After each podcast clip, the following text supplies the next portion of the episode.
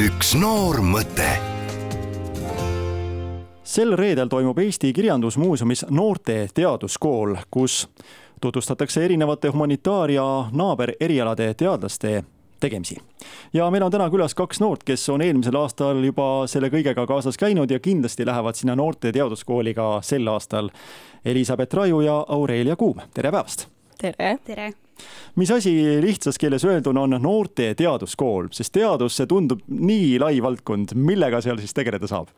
Meie tegeleme peaasjalikult seal erinevate humanitaarteadusalaste teemadega, ehk siis eh, grupp noori, kes on juba isiklikult oma panuse mingis mõttes Eesti humanitaarteadusesse andnud, kirjutades siis uurimistöö eh, õpilasteadustööde festivalile, eh, tulevad siis sinna kokku Eesti Kirjandusmuuseumisse Tartus ja siis seal toimuvad loengud, loenguid peavad erinevad teadurid Eesti Tartu Ülikoolist ja, ja igalt poolt mujalt, arutleme teemasid alates filosoofiast, filosoofiast kuni ajalooni ja, ja arutleme sellest, kuidas meie ise saaksime oma panuse anda rohkem Eesti humanitaariasse eh, ja mida võiks veel uurida.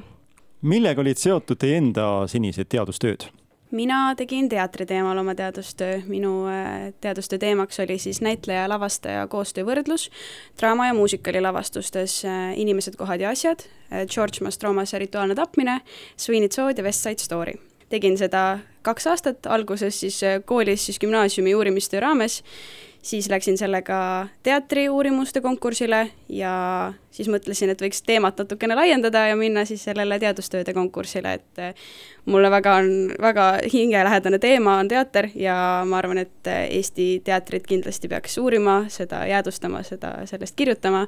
Ja nagu seal teadustööde konkursil oli ka näha, siis mina olin ainus äh, teatriteemaline töö kogu selles asjas seal sees, et ma arvan, et inimesed võiksid rohkem uurida teatrit ja kirjutada teatrist mina armastan kirglikult ajalugu ja minu uurimistöö kandis sellist pealkirja nagu Maanaine Eesti ajaloo tõmbetuultes minu vanavanaema Ali Elfrosine Pangi elunäitel.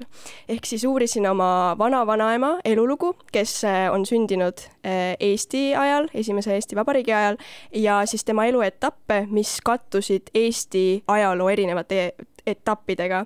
korraldasin poolstruktureeritud intervjuusid oma vanavanaemaga, intervjueerisin teda, tõlkisin võrukeelseid intervjuusid eesti keelde, et, kirjutada seda teadustööd, uurisin äh, kõrvale Eesti ajalugu, istusin tunde arhiivides ja raamatukogudes ja niimoodi saigi selline rahva pärimust ja ühe tavalise inimese elu uuriv äh, töö kirja. ma tundsin, et hästi palju koolis ajalugu õppides me tegeleme väga palju igasuguste kuningate ja vürstide suurlugudega, aga sellist päris elu ja päris rahva pärimust keegi eriti ei käsitle. aga me kõik ju tegelikult pärineme tavalisest maarahvast, kelle lugu on ka oluline, kelle valud ja kannatused tuleb ka kirja panna. ja siis äh, see töö kätkeski neid ajaloo tõmbetuuli, kuna Eesti ajalugu on väga nukker ja et kuidas siis üks väike Eesti naine mahutub sinna tuulte sisse mis oli üks, äh, kindlasti neid fakte oli veel, aga üks selline fakt, mida sa enda vanavanaema kohta ei teadnud ja selle intervjuu, selle töö käigus tuli välja ja üllatas sind täielikult, et selline seik on sinu vanavanaema elus olnud? võib-olla selline väga huvitav seik, mis tuli välja, oli sõja ajal, kui olid, kui sakslased okupeerisid Eesti, eh, siis nad jõudsid ka Võrumaale. Ma, kuna ma ise tulen Võrumaalt, minu vanavanaema on põline võroke, siis ta seikles seal metsade vahel, peitis ennast erinevate nii venelaste kui sakslaste liitlaste eest ja siis ühel päeval, kui ta karjast koju tuli eh,, sattus tema tee peale üks saksa sõdur eh,, kes lubas ta maha lasta. aga ta palus nii ilusti seda saksa sõdurit, kuna tema oli selle sõduri kõrval niivõrd väike ja haavatav, siis see, sõdur ikkagi jättis ta kuidagi ellu, ma ei tea, miks see juhtus, vanavanem ise ka ei osanud seda seletada, aga noh, see on üks neist lugudest. kui võtta see teatriteema ette, kindlasti igal põlvkonnal on omad näitlejad, kellega nad teatrit kui sellist üldse seostavad kellega algab sinu jaoks Eesti teatrilugu? no kui ma esimesena mõtlen, siis ma ütleks ikkagi vist äh, Linnateater ja sealsed näitlejad, sellepärast et äh, see on lihtsalt minu koduteater Tallinnas, sinna ma olen äh, kõige rohkem sattunud ja ma alustasin ka oma uurimistööd tegelikult kahe Linnateatri lavastuse põhjal, temast Roomase rituaalne tapmine ja Inimesed, kohad ja asjad.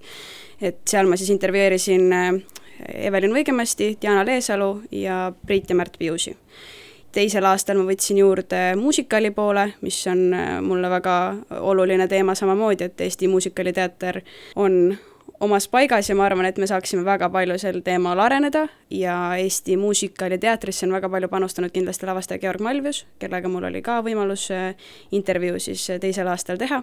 kindlasti needsamad inimesed ilmselt on minu jaoks hetkel see Eesti teater mis sa arvad, kui vaadata neid inimesi, kes praegu laval on, kes võiks viiekümne või ütleme ka saja aasta pärast olla see näitleja, keda mäletatakse tol ajal ka veel, nendest praegu kuulsatest, ma ei pea silmas juba neid, kes on paraku lahkunud, aga kes hetkel veel laval on ja tegusad. Võib-olla see Tõe ja õiguse filmi mm, näitlejad lähevad küll ajalukku oma väga, väga karismaatilise näitlejamistööga ja üldse sellega, et nad kajastasid filmilinal meie oma rahva folkloori ja pärimust. see on lihtsalt märkimisväärne meile endale ja võib-olla see jääks meelde inimestele küll.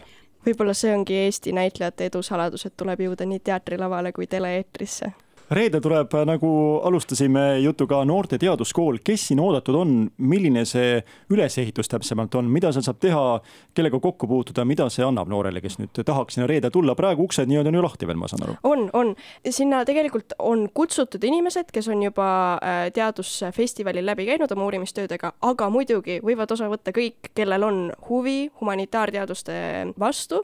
formaat on lihtne, iga teemapäev on siis äh, erinevatest erinevad loengud. reedel tuleb meil käsitlusele näiteks teema šamanismist neošamanismini, millest siis Aado Lintrop meile räägib seminarloengu vormis ja teine pool päevast me keskendume Nõukogude aja kirjanduselule, mis kindlasti tuleb väga põnev, ma väga ootan seda.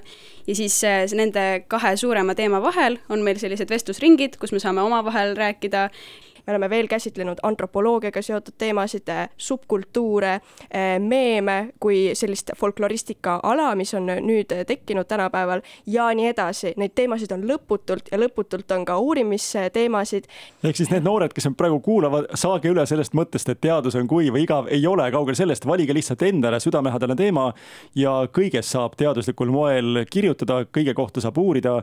see võib olla lähiajalugu, ühesõnaga leidke lihtsalt enda meelisteema, tulge noorte teaduskooli ülikooli, kohtuge teiste noortega ja, ja arenete ise kindlasti edasi. teadus ei ole ainult reaalteadus, ka humanitaarteadus Just. seisab omal kohal. humanitaar ja reaal peavad olema looduses tasakaalus. aitäh, Aurelia, aitäh, Elizabeth ja põnevat nädala lõppu! aitäh, aitäh.!